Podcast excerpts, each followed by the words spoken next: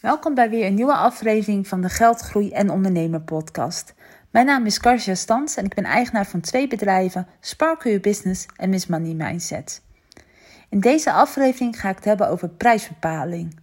Want als ondernemer vind je het koppelen van prijzen aan producten en diensten misschien wel lastig. Je loopt tegen de volgende vragen aan. Tegen welke prijzen bied ik mijn product en dienst aan? Vraag ik niet te veel en schrik ik mijn klanten niet af? Vraag ik niet te weinig en schrik ik mijn klanten af? Ik heb te veel klanten. Moet ik een hogere prijs vragen? En kan ik mijn tarieven verhogen?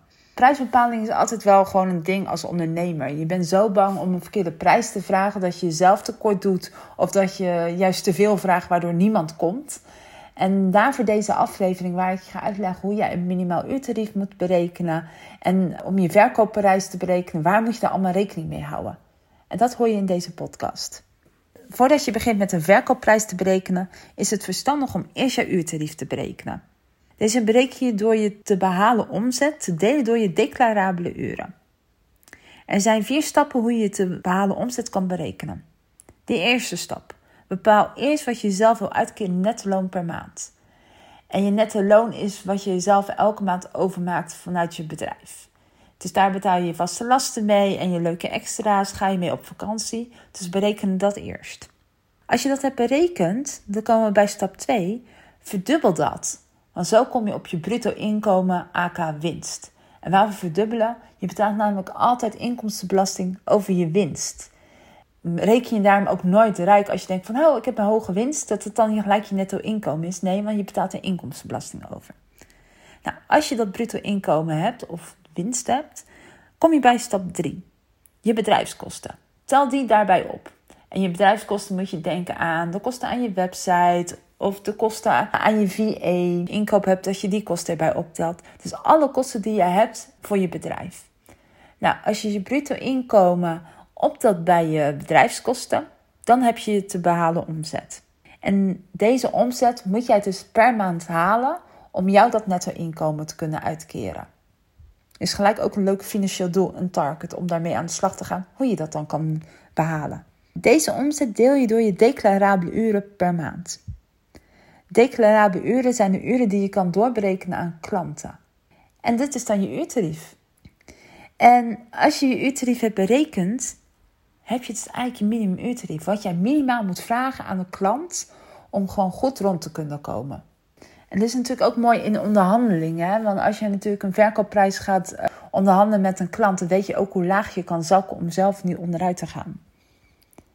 Maar deze kan je natuurlijk gaan verhogen met een marge om je verkoopprijs te kunnen berekenen. En de vraag is natuurlijk, hoeveel kan deze marge zijn? Nou, dit is afhankelijk van een aantal factoren. De eerste factor is de markt.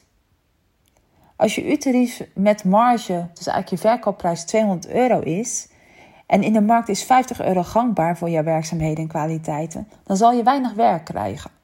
Tenzij je opdrachtgever er natuurlijk van kan overtuigen waarom je dat bedrag waard bent. En dat geldt natuurlijk ook andersom. Hè? Als, als 200 euro gangbaar is in de markt en jij biedt het voor 50 euro aan, dan gaan mensen ook twijfelen van hé, hey, waarom is zij zoveel goedkoper? En wat zijn dan, ja, waar verschil je dan in? Bied je dan wel genoeg kwaliteit aan? Dus kijk goed wat in de markt gangbaar is. En inderdaad, als je iets duurder bent, geen probleem, maar dan moet verklaarbaar zijn waarom, wat jij dan extra doet. Je tweede factor is de doelgroep. Wat heeft jouw klant ervoor over? Als je je namelijk richt op startende ondernemers, dan zullen deze niet zo snel een bedrag van 8000 euro voor een dienst geven. Werk je juist met ervaren ondernemers, dan is de kans veel groter dat ze dat doen. Nogmaals, ook voor 8000 euro moet je echt wel een goed product en dienst uh, aanbieden. Maar ja, kijk even wat jouw doelgroep ervoor over heeft. De derde factor hangt een beetje samen met factor 1, de markt, is de concurrentie. Een goed vergelijksonderzoek is nooit weg. Niet alleen om je prijs te vergelijken, maar ook wat ze aanbieden tegen die prijs. Misschien kan jij net iets anders aanbieden waardoor jij opvalt en een andere prijs kan vragen. Ook hier geldt, als je enorm afwijkt, moet het voor je klant duidelijk zijn waarom. En vergelijken is niet het juiste woord. Laat je vooral inspireren. Niets is zo rot om je te vergelijken met anderen, maar zie het vooral als inspiratie. En kies hier ook voor een vorm wat bij jou past. Als al jouw concurrenten alleen maar één op één coaching doet en jij doet juist groepscoaching omdat je daar enorm goed op gaat, dat zet jou apart van de concurrentie. De vierde factor is je gevoel. Ga voor een prijs die net wat oncomfortabel voelt. En wat ik daarmee bedoel is dat wij, denk ik, als ondernemer al heel vaak een iets te lagere prijs vragen. Omdat we het eng vinden om iets hoger te gaan. Maar ga juist voor dat iets comfortabele gevoel. En ook je gevoel, dat is nu ook een beetje intuïtief prijs bepalen. Ik doe dat ook. Ik heb namelijk altijd een soort kruispunt in mijn gedachten. Als ik bijvoorbeeld denk om een nieuwe dienst aan te bieden, verzin ik vier prijzen en dan zet ik op een, op een tekening in een soort kruispunt.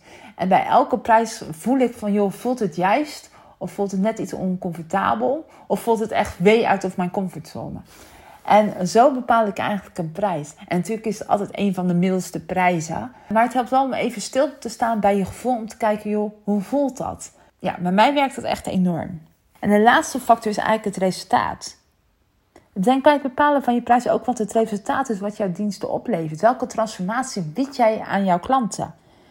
Krijgt de klant door het gebruik te maken van jouw diensten en producten extra veel klanten? Of misschien wel extra veel zelfvertrouwen of meer rust in haar leven? En dit zorgt ervoor dat je een hogere marge op je prijs kan vragen. Weet je, het gaat niet alleen om uurtarieven. Het gaat alleen niet wat je per uur werkt. Maar ook juist de transformatie die jij aanbiedt aan mensen. En misschien inspireer je ze wel. Misschien zet je ze wel meer over tot actie. Dus vergeet vooral ook dat transformatiedeel niet in je prijs mee te berekenen. En focus je vooral niet alleen op de uurtarieven. Als mensen vragen hoe jouw prijs is opgebouwd, kan je altijd gewoon verwijzen naar deze factoren. En het bepalen van je prijs zegt ook iets over hoe je jezelf wil positioneren in de markt. Wil jij high-end klanten of juist bereikbaar zijn? En waar voel jij je het prettigste bij? En één wijze les: ga nooit voor een te goedkope prijs. Twee redenen. Je weet wat je dienstproduct waard is. Als je het te laag aanbiedt, voelt het voor jou ook niet goed. Dan werk je er ook niet lekker mee. Je weet wat de klant krijgt. En dat is veel meer dan zij ervoor betalen als het goed is. Over deliver altijd. En het tweede is het eigenlijk vervelend om te zeggen. Maar mensen, juist de mensen die door deze prijs worden aangetrokken, ben je het meeste tijd aan kwijt. Het dubbeltje voor de eerste rang effect. En je hebt liever klanten die met plezier jouw dienst afnemen en daarvoor willen betalen. Uh, want dan is jouw mindset ook anders om deze klanten te helpen. En ik denk ook als je voor een te goedkope prijs gaat, als je gewoon een goede prijs op je website hebt, empower je mensen ook. Als ik iets wil, iets heel graag wil en het kost nu nog te veel, doe ik er alles om het te kunnen betalen.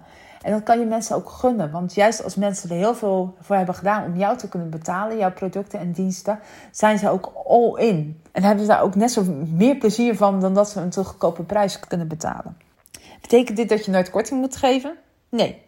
Soms gun je het iemand om voor een laag prijs je product te kopen. Of misschien heb je soms een actie. Wil je meer informatie over prijs? Want ik, er is zoveel over te vertellen. Volg me dan op eh, mijn Instagram-account Sparkle Your Business. Ik deel daar regelmatig over hoe je je tarieven moet verhogen. Waar je allemaal rekening mee moet houden. Of volg mijn cursus Cash is Queen. Op mijn website www.sparkleyourbusiness.com zie je bij online cursus deze cursus staan. Die gaat geheel over geld, prijzen, verdienmodellen en mindset. Dus kijk daar nog heel even naar. Ja, ik wens jullie een fijne dag.